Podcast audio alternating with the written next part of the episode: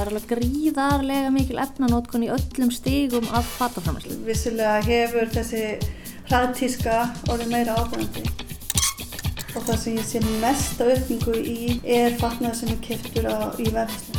Allar auðlindar sem að fara inn í framlæsluna og öllu þessu sem við erum að kaupa, það er alveg gríðarlega mikið að verðmætum á auðlindum. Má ég máta?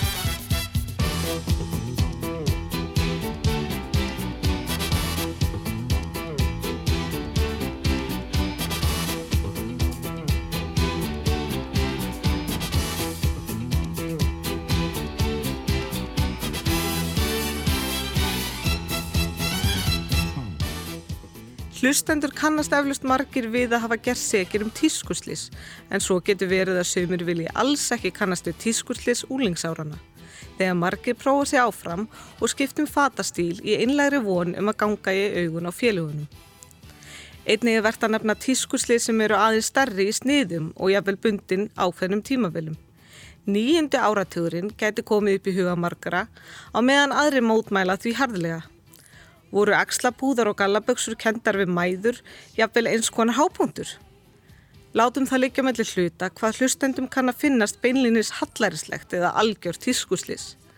Við ætlum ekki að fjalla um persónlegan smekk fólks, heldur ætlum við að ræða annars konar vandamál sem tíska hefur alið af sér. Sjálf skal ég vera fyrst til að viðkjöna það að ég hef að jafnaði keitt mér nokkuð mikið af fötum á hverju ári. Allar götur síðan í mentaskóla hef ég þurft að halda aftur af mér að hlaupa ekki eftir nýjustu ströymum og stefnum og kaupa eitthvað sem ég finnst ég bara hreinlega verða eiga í fattaskápnum. Sumir myndu eftir vilt kalla mig tísku frík eða tísku drós og einhverjir myndu jafnvel ganga svo langt að kalla mig þræl tískunar. En undanfarið hafa runnið á mig tvær grímur þegar ég fer í fattabúð. It, it, it, it's called fashion, look it up.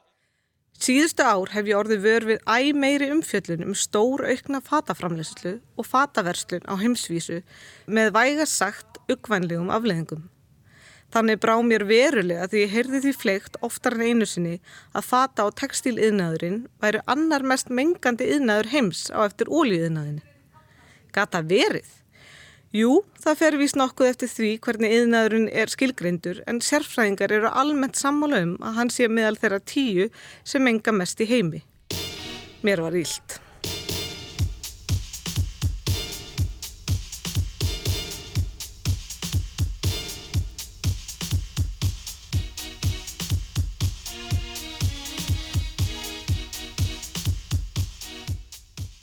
Ég varð uggandi yfir ástandinu og velti því fyrir mér hvar Íslandingar stæðu í þessum öfnum. Mér grunaði að margi væri eins og ég, kefti þó nokkuð af fötum án þess að hugsa út í hvaðan þau kæmu og hvað yrði svo sem um þau eftir við losiðum okkur við þau. Á hverjum degi dinja okkur auglýsingar um nýjar vörur í búðunum og áhrifavaldar hafa ekki undan að sína okkur hvað við bara verðum að eiga í dag. En hvað svo? Hvað gerist ef við höldum kaupgleðinni áfram og hvert hefur hún leitt okkur? Ég heyrði í Birgittu Stefánsdóttur sérfræðingi hjá Ungverðustofnun um þessa þróun hér á landi.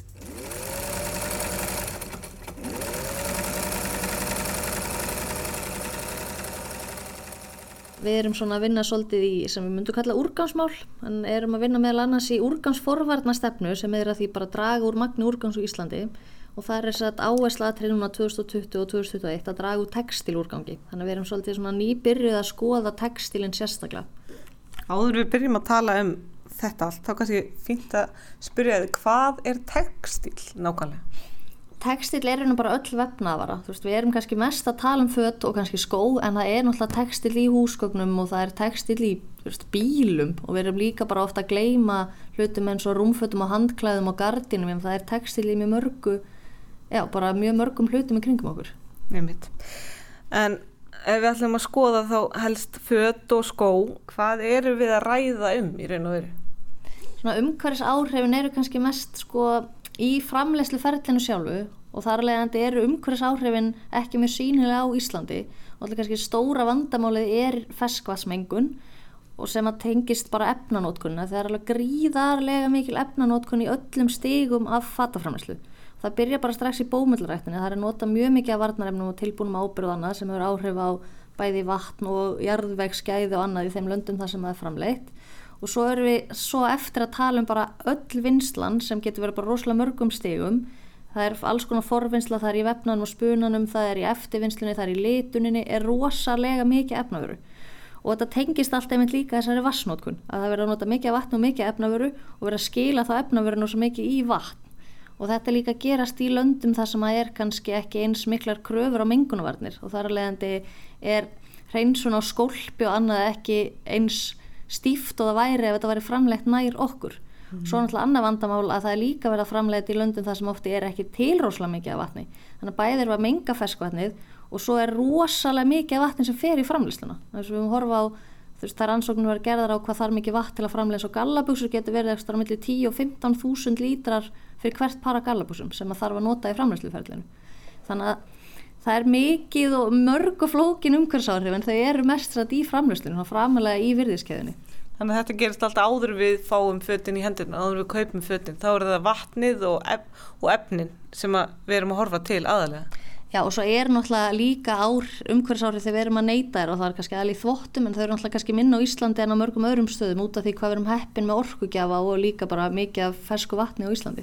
Þannig að erum við búin að fara svolítið yfir hvað við gerist áður en ég fer út í búð til dæmis og kaupi mér þá er þetta allt ferli búin að eiga sér stað og greinilega mikil mengun beint og óbeint. En við sjáum þetta náttúrulega aldrei áður við fáum fötin í hendurna eins og þú segir. Nei, þetta er frekar ósynlegt fyrir svona neytendum á, já, á hinum endanum kannski á rófinu ef maður orðar það þannig. Og svo er líka annað sko að það er kannski það sem við sjáum er fyrst og fremst verðið. Og verðið endurspeglar á yngan hátt það sem er búið að gerast áður en að vara að kemur til okkar. Og það er kannski orðið og er bara almennt í svona ef maður skoðar bara neyslu eða kauphæðun að við erum búin að missa rosalega mikið sambandið við verð að við setjum verðmiðan eins og það sé verðmæti en sjáum ekki verðmæti þess að allar auðlinnar sem að farið inn í framleyslan og öllu þessu sem við erum að kaupa. Það er alveg gríðarlega mikið verðmætum á auðlindum. Það er, það er þetta vatn og þessi efni en það er líka náttúrulega bómullin, það er vinnustundir þannig að fara ítla með vinnufólk líka í þessari byrgakæðju það er rosalega mm. flókin og stór keðja mörgum aðilum til þess að framlega eitthvað sem kostar svo kannski 1500 krónur sem að skipti mig yngum áli hvort að ég kaupið ekki, 1500 kall skipti mig yngum áli upp á hvernig mánur minn lítur út fjáraslega Þannig að kannski ef ég fyrir og kaup með gallaböksu upp á 500 kall þá er það 160 hvað það eru, 160 lítrar af vatni sem hafa farið í það? 10.000 10.000, jésús minn, maður næri bara ekki upp í þetta en, og það, það, það kosti allt íni bara 5.000 kall e, bara allt þetta, eða þú veist. Já og náttúrulega þetta er framleitt það sem að hérna, kostnar við vinnuaflega mjög lár og þannig séð kannski efniskostnar sem slíkur frekar lár. Þannig að verðið þarf ekkert að vera að herra nema því leiti að við erum ekki að telja með á neitt hátt áhrif framleyslan umhverfið. Og allt þetta gerist áður við fáum flíkin í höndina. En hvað hva gerist sko þegar ég er búin að nota til dæmis þessar gallaböksur sem ég kæfti á 5.000 skall og ég er búin að fara í þær í tvei partí og í skólan eða í vinnu og, og, og svo ákveði ég bara að losa mig við þær ég, það er ekki flottar lengur og hérna hvað hva gerir það oft? Svona eins og kerfið er núna þá er náttúrulega Rauðikrossin að vinna bara rosalega flott verkefni gegnum fatasöfnuna og þeir eru að sapna núna rúmlega 3000 tonnum af fötum á ári sem er eitthvað tæplega 9 kíló sem einstaklingur á Ísland er að skila til Rauðikrossins mm og við getum kannski áætlað að sé eitthvað e, kannski annað eins sem er þá að fara í urðun sem er ekki að skila sér og er að fara bara með blönduðum úrgangi á urðunastað Þannig að áætlað er að hver íslendingu sé losið við jafnvel við 18 kíló bæði í urðun og í fattasöfnum Já, svona það hefur verið gerð einn svona nokkuð góð norræn rannsókn á þessu sem að koma úr 2014 og þá voru áætlað að væri um 15-16 kíló en það er rauninni við höfum ekki mjög góðar upplýsingar um þetta. Við höfum upplýsingar um vissa hluti, bara eins og við höfum mjög góður upplýsingar eitthvað Rauðkrossin er að taka við mm -hmm. og við höfum upplýsingar frá sorpu, magnið af textil, úrgangi, blöndum úrgangi frá heimilum á höfuborgarsvæðinu en það er rosalega mikið sem fellir fyrir utan þetta mm. bara eins og úrgangur frá fyrirtækjum, úrgangur frá öðrum sveitarfélögum og svo framvegs. Þannig að við höfum áætla svona miða við hlutfallið sem eins og sorpar að segja að sé í blöndum úrgangi að þá getur þetta verið alveg upp í já, síðast ef áætlum en það væri 10 kíló mann sem var að fara í urðun og ári af textil þannig að það er rosalega mikið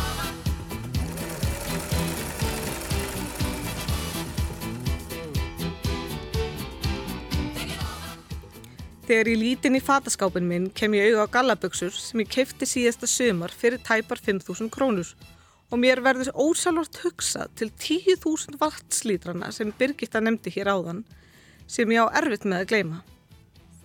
Ég var staðráðin í að nýta þær sem allra lengst úr því svona verið komið og raunar flest annað sem finna má í fataskápnum mínum. Ég velti þó fyrir mér hvað hefði orðið um fötin sem ég ákvaði að fara með í fatagám um helgina. Fötin sem ég sett í gáminn voru að mestu í ágættu ásökkumulegi. Annarkvort pössuðu þau bara ekki, svo sem rippfluðu gallaböksunar frá því í mentaskóla, eða mér þóttu þau hreinlega hallarisleg eins og blúndum skreitt mínipilsi sem ég fór einu sinni í út á Mæjorka. Ég rætti við Guðbjörgu flokkuna stjóra Rauðakrossins um hvað verður um fötin sem við hendum í gáminn og leiðum ekki hugan að frekar. You know the glow, starting in front row. Shades always, these bitches can't look low. Bob sleek, chic, petite, I fit those. In vogue, I do what you can't know. I'm runway, you know they a sideshow. I'm first page, the main stage is Ipos. The one dame, the one name that y'all know. Just take notes, stay on top like halos. Make pesos, most of these bitches is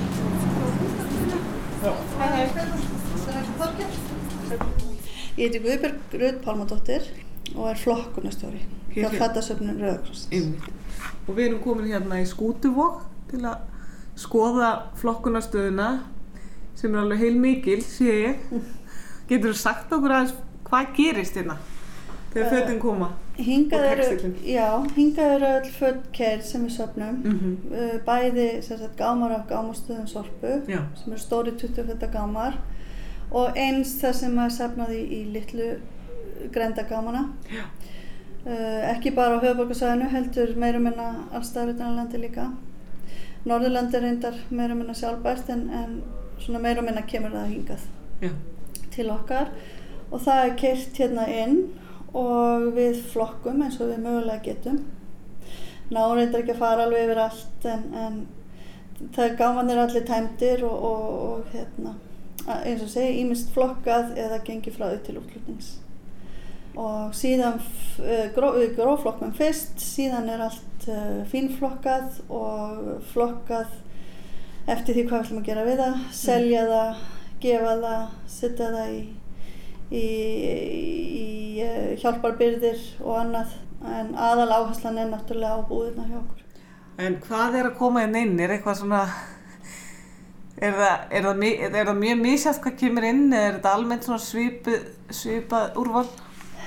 Sko, það er alltaf eitthvað skemmtilegt. Já. það er einhver einasti gámur hefur eitthvað skemmtilegt við sig. Um, það er, það er erfitt að segja. Ég hef svona ágættu tilfinningu hvað kemur hvaðan. Já. En ég segi alltaf að það er aldrei hægt að alhafa neitt. Nei. En það er svona ákveðin tilfinning sem ég fylgi. Mhm. Ég fæ mikið af barnafötum og kópói til dæmis. Já. Og uh, mikið, uh, hvað segja, mikið af íþróttafötum eins og hafnaverði. Að það er alls konar svona, en, en það er aldrei alveg að alhafa. Og hérna, það er bara allur gangur á þessu, en við svona reynum að flokka, uh, dreifa því svolítið hvernig við flokkum. Og stundum eftir hvað okkur vantar, að þá býð, býð ég eftir gámi frá hvernig stað. Einmitt. En svona almennt þá flokkum við bara það sem að er í gangi þann daginn.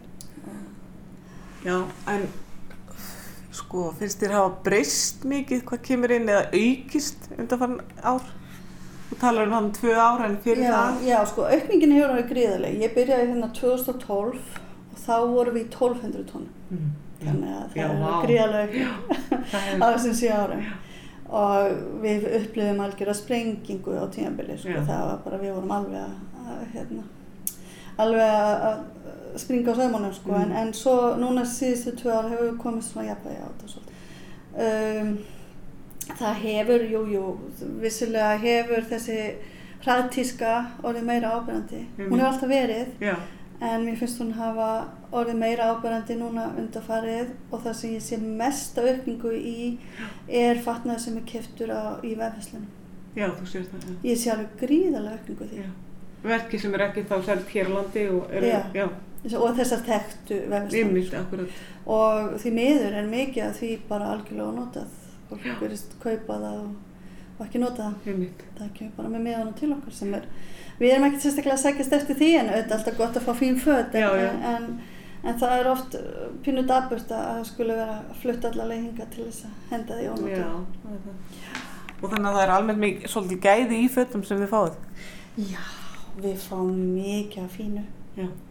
Ég segi það ekki svona setni ár eftir að magni jógst svona, þá hefur verið að orðið aðeins dýbra á því Mhm. og meiri vinna að finna það. Mhm, Já, einmitt. Þessu er alltaf voða glöð þegar fólk færir okkur fínu fötin í Já, já, flokkunastöðuna já, já. og það er allir velkonir að gera það þegar ef þeir vilja setja þetta í hendunar á okkur. Já, já. Þá erum við hérna. Uh, það er, já, en það kemur mjög mikið inn á góða fötum. Íslendingar eiga óbúslega mikið af fötum. Mhm. Það bæði ómerkilegum og merkilegum. Já. En ofsalega mikið af fólki sem hugsar vel um fötin sín Já. og bara hugsar um það að það er að setja þetta í hendunar okkur. Og það, við erum voða þakklátt fyrir það. Já. Og uh, náttúrulega eldri föt oft mun meira spennandi. Það er fallir efni og fallir, fallir snið og, og svona. Og vandaðir oft. Mjög oft. Það er bara ótrúlega munur. Á, sérstaklega á efnunum finnst mér. Einmitt. Og, uh, nei, nei, en það er allur skalinn og, og, og mjög mikið skemmtilegu og öðruvísi hlutum sem koma hérna inn. Einmitt. Flíkun sem eru jafnvel handsaumaðar, gamlar, sérhannaðar og bara allt þar á milli. Ég segi það ekki, við seljum náttúrulega opaslega mikið af gallabúsum og bólum, Já, sko, já. en, en hitt selst alveg líka. Gaman að hafa það með. Hvernig finnst þið salan þá? Hefur hún aukist líka meiri vitundavakning? Það sko, hún, það er alltaf meiri samkefni, Já. það er ekkert að netta því. En vitundavakningin hefur greinilega aukist Mhm. og við verðum vör við svona breytingu á viðskiptavinnum Já. sem er bara mjög ánægilegt. Nú er fólk að vakna til lífsins að þetta sé raunverulegu kostur. Mhm. Þetta er ekki bara eitthvað neyðarúræði að vesla föt. Einmitt. Og, og við verðum bara, fólk er gríðarlega jákvæmt og, og það er mjög skemmtilegt að fylgjast með því þegar við opnum búðin í kringlunni. Já. Sem nú kannski ekki svona, hefur ekki verið svona okkar hefbunda markasæði Einmitt. og það, við höfum fengið gríðarlega jákvæð viðbröð Mhm. og fólk er ánægt með þetta og þar fáum við inn fólk sem að hefði sennilega aldrei látt sér dætt í hug að gera sér fernir í bæ til að. Já. En er mjög ánægt með þetta og, og veslar alveg vel. Einmitt. Þannig að það, við höfum verið, það er óg góð tilfinning að vera því fólk er mjög jákvæmt.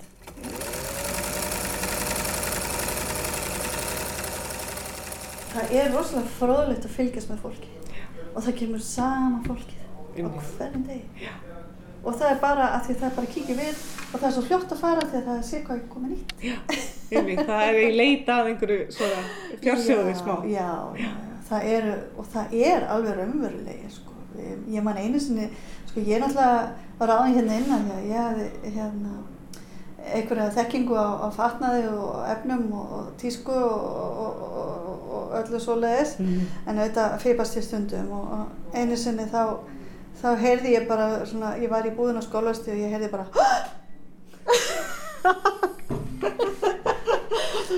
Ó, hvað? Og þá ég, hérna, vinkonu mér þekkti þess að, konu, vinkonu mér sem var með mér á vaktinni Já. Og hún sagði, ó, þessar buksur eftir sama náunga og hanna í svanakjóluna bjargar Nei. og það var mjög látt verið sett á þær og sagði, þær kosta 1500 ég ætla að kaupa þær á 1500 Já. þannig að, að hérna, þar fýpaðist mér svolítið Já. En, það er En þarna var Já. uppátæktisvinningur. Já. Einmitt. Má veit aldrei. og það, það hérna það, það er alltaf eitthvað Já. alltaf smá og það er það sem ég held að þetta gerir, gerir þetta skemmtilegt Já.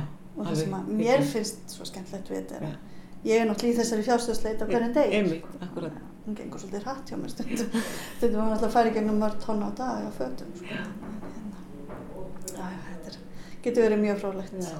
og ofsalega gaman að standa vaktin í búðinni og sjá hvert hlutinni fara hver kaupir Já, það sem maður finnur Já. það er, getur verið mjög áhugavert. Og hérna og gaman að fylgjast með þessu. Og við höfum séð fólk, uh, konur hafa gift sér í kjólinn sem það er keift hjá okkur. Og, og svona alls konar hluti sem skila, sín aftur, sér aftur til okkar. Og bara mjög ánægilegt. Gaman. þannig, já, það er mjög skemmtilegt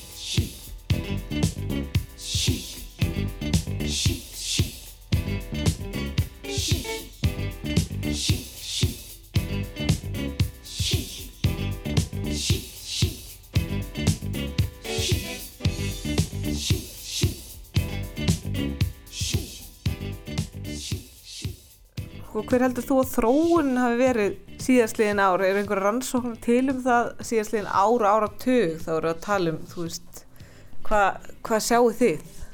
Það er alltaf svona almennt að segja, þá er vitum við ekkert nógu mikið bara um hvað er verið að kaupa mikið og hvernig Íslandingar eru að kaupa og hvernig við erum að losa okkur við þetta og það er einmitt núna bara verkefni sem er framöndan hjá umhverfistofnun, það er bara að skoða það betur en maður hefur náttúrulega bara svona tilfinningu sem samfélagstegna, náttúrulega neyslan hefur skrúa svolítið upp bara síðustu áratug og tvo og kannski sérstaklega í, í hérna innkaupum og fötum annars verður út af þessari aukna áherslu eða svona stærri búðum sem er að selja svona fast fashion, það er komin miklu fleiri línur á ári en líka er náttúrulega að sjá miklu meiri netverslun og meiri verslun erlendis en hefur verið kannski fyrir 20 árum eitthvað þannig það eru bara mhm. miklu fleiri leiðir til að kaupa sér textil mm. og líka náttúrulega með bara samfélagsmiðlum þá gerir maður ráð fyrir að það sé mikil, mikil aukin pressa á fólk að líta veginn ákveð út og eignast einhver ákveðna hluti og verið einhverjum ákveðnum stíl.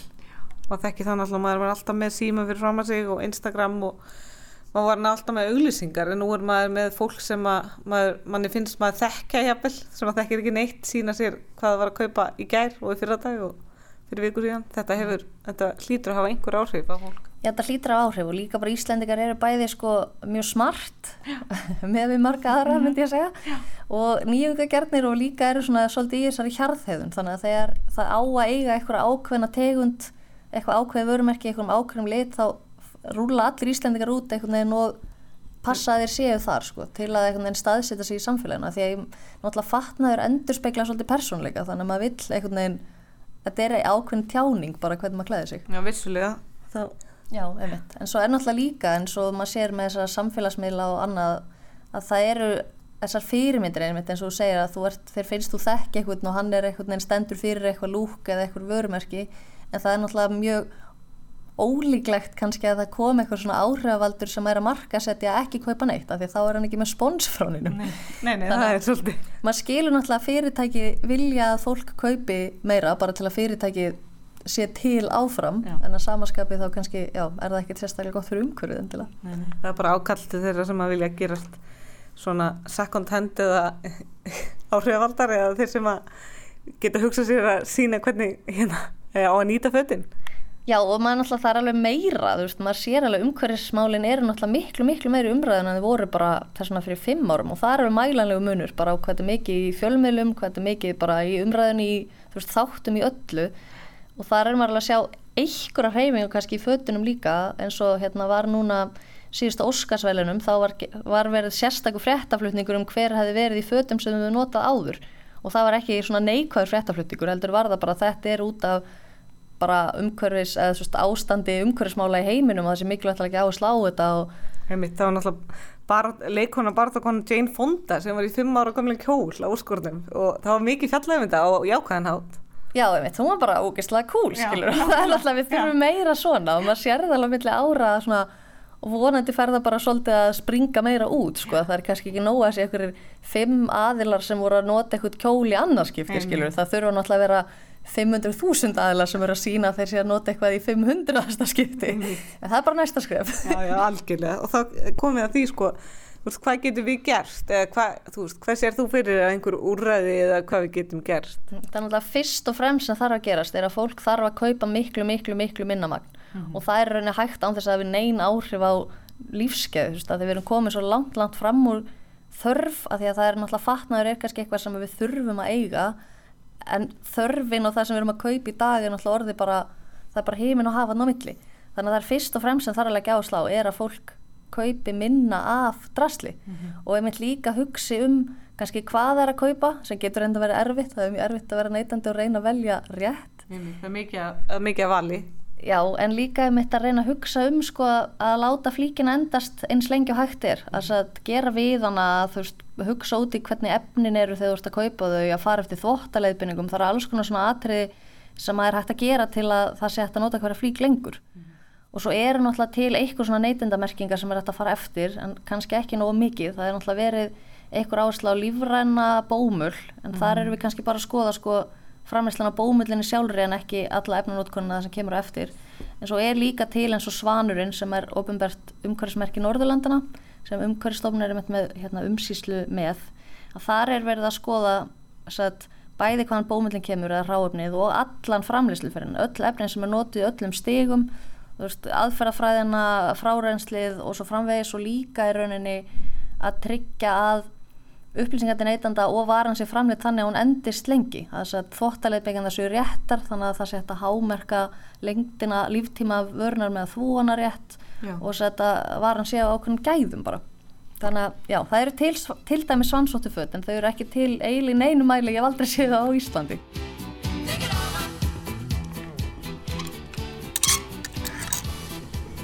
Klár. En hvað með sjálfbærni? Nú sjáum við að það eru margar, margar stórar fatakeðjur sem eru farnar að hérna, gefa eða sem sagt, framleiða fatalínur undir þessu merki sjálfbærni. Hvað þýðir sjálfbærni og þýðir það eitthvað? Það þarf ekki að þýða neitt Nei. og, og það er mjög erfitt fyrir neytandan allan að meta hvort það þýðir eitthvað eða ekki. Af því að fyrirtækin sem eru að nota þessu orði í markasetningu þurfa ekki að uppfylla neitt staðal og það er engin utanakomandi aðili sem er að skoða hvort þessi vara sé eitthvað sjálfbæra en aðra vöru eða ekki. Heldur er þetta bara yfirlýsing frá fyrirtækinu sjálfu.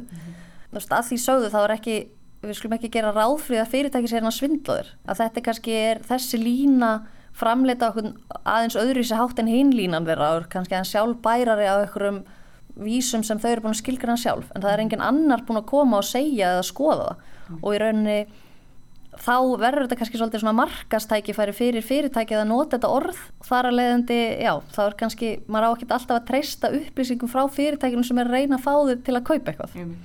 Þannig að svona almennt þá þýðir það endilega ekki neitt.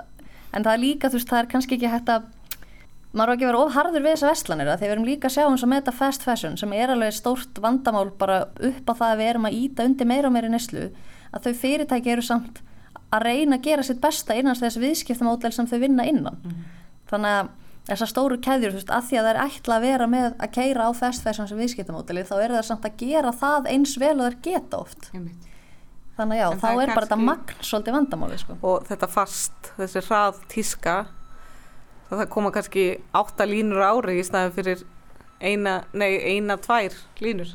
Já og þetta náttúrulega tengist í mitt líka hvað er neytandinn að byggjum er ekki, er ekki neytandinn að byggjum þessa röðu tísku þess vegna eru fyrirtækin að framleiðana þannig að þetta er líka svona egginnið á hænun við getum ekki kent stóru fyrirtækinu um að vera að gera nákvæmlega sem við sem neytendur erum að byggja þau um að gera sko. Akkurat. Ef við komum aftur inn á lífrana bómul, það, það er eitthvað sem er oft rætt um, sambandi við umhverfið, er þetta eitthvað sem við ættum að horfa til og hver er munurinn á lífrætni og ólífrætni bómul í, í fötun?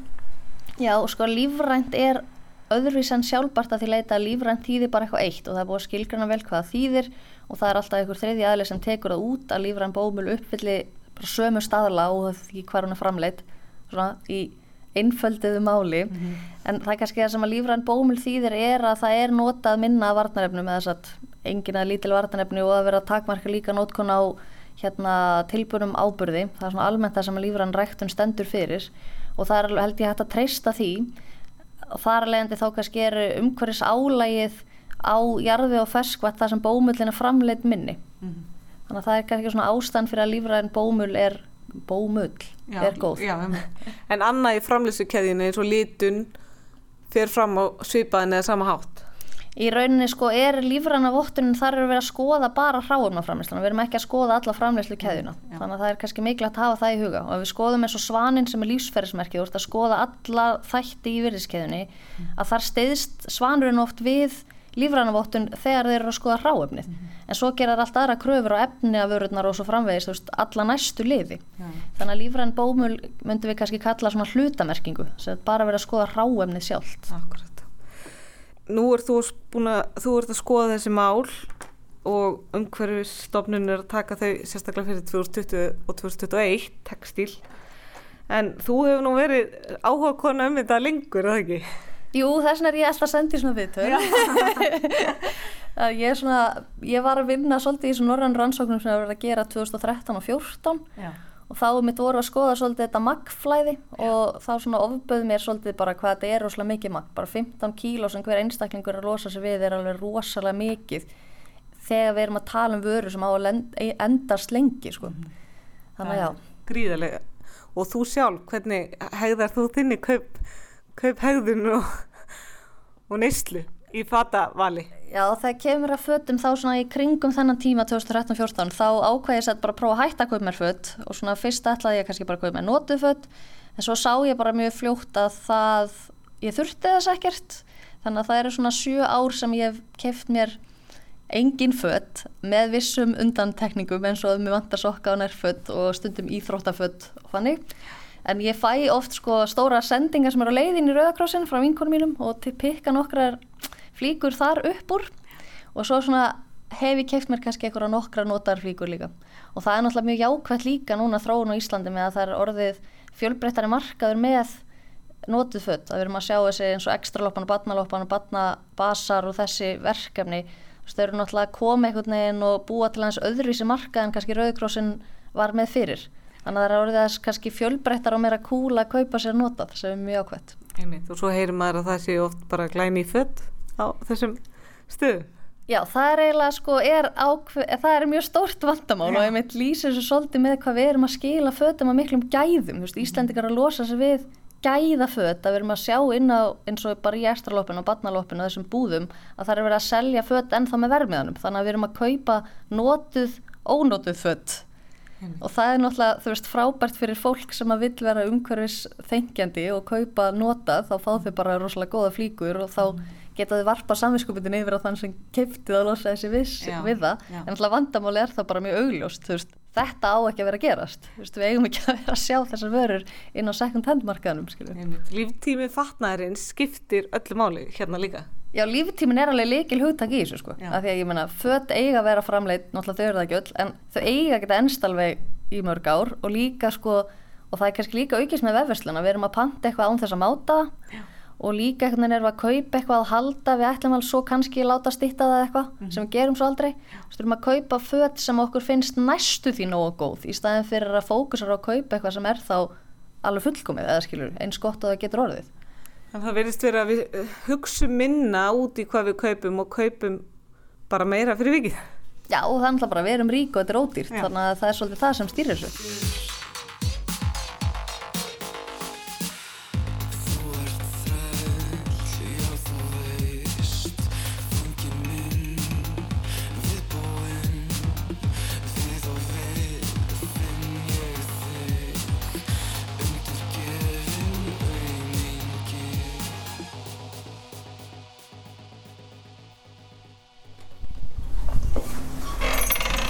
daginn.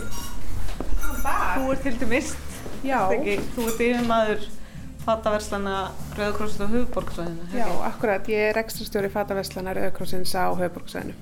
Nú eru komin í yngar skólaversti. Þetta er ein verslun af hvað mörgum eru þið með? Þetta er ein af uh, fimm verslunum sem við rekum hérna á höfuborgarsvæðinu. Svo eru uh, þó nokkrar verslunur út á landi. Já. Þannig að þetta eru um 13 í heldina. Já og þið hafa verið að opna fleiri verslanir undanfærið. Já, við sem sagt opnum okkar nýjustu verslun hérna í höfuborginni núna 30. november uh, upp í Kringlu mm -hmm. og síðan opnum við líka uh, netverslun fyrir, já, ætlaði að segja um tvær vikur cirka bát síðan. Ég mynd.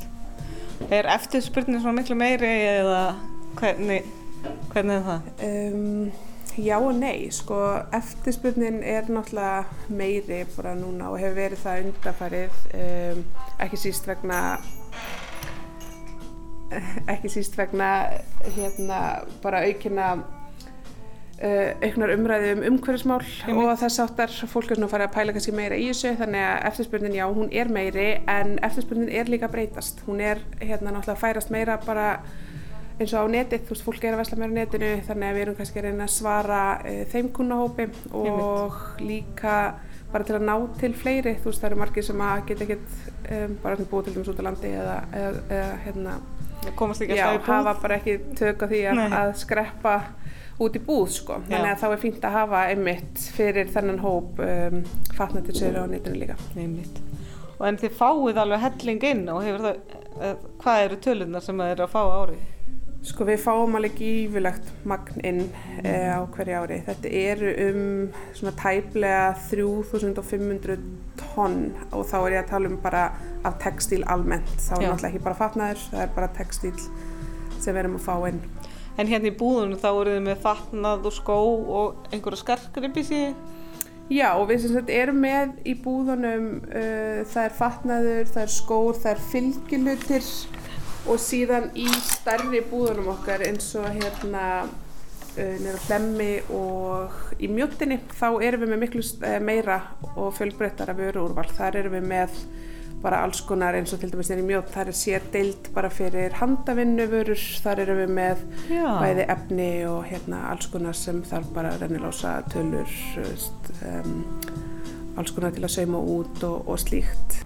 Svo sér maður að hérna, þeir eru með ákveðna fastakuna eins og til dæmis fórsýstsfrúna sem að Já, hún hefur verið, já, hún er hérna, við erum rosalega þakklátt fyrir, um, fyrir það hversu mikill aðdáðandi hún er og hefur bara náttúrulega hérna borið út bóðskapin sem að sem að gerir bara gott fyrir okkur. Uh, Við erum með mjög mikið af fastakunum. Það er eiginlega bara algjörlega frábært að sjá það. Ég náttúrulega sjálf fer mjög mikið á milli verslana, Já. tek vaktir og, og hérna og svona já, er að kíkja við og, og það er ótrúlega bara gaman að ég hitti alltaf sama fólkið og jafnvel sko í mörgum búðum sama daginn þannig að fólk fer líka hringin Já, og skoðar úrvalið alls skoðar úrvalið og hérna og þeir sem eru náttúrulega svona kannski okkar diggustu kaupundur þeir vita að, að sko líkillin að því að hérna vesla second hand er að fara sem oftast, koma sem oftast við. Ef maður hefur tök á því, þá er Einmitt. bara best að kíkja við því það er alltaf eitthvað nýtt. Við erum náttúrulega látlist að taka upp uh, nýja vörur alla daga vikunar þannig að þú getur komið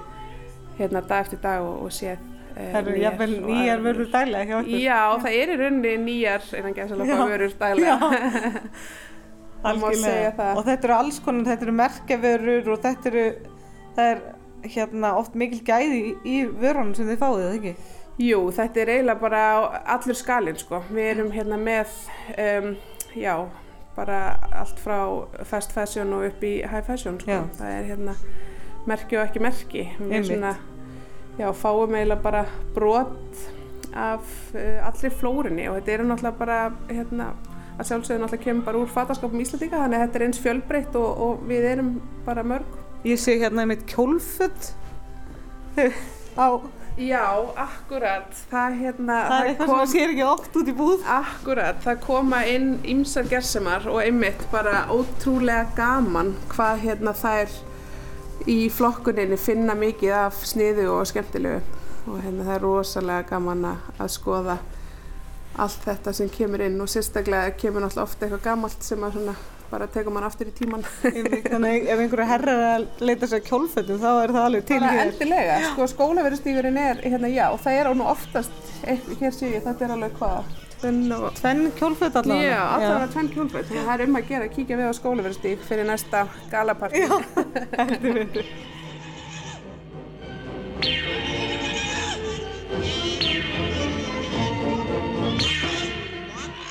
Já, það er staðreind. Íslendingar kaupa mikið af fötum og hafa aukið neyslu sína talsvert síðustu ár.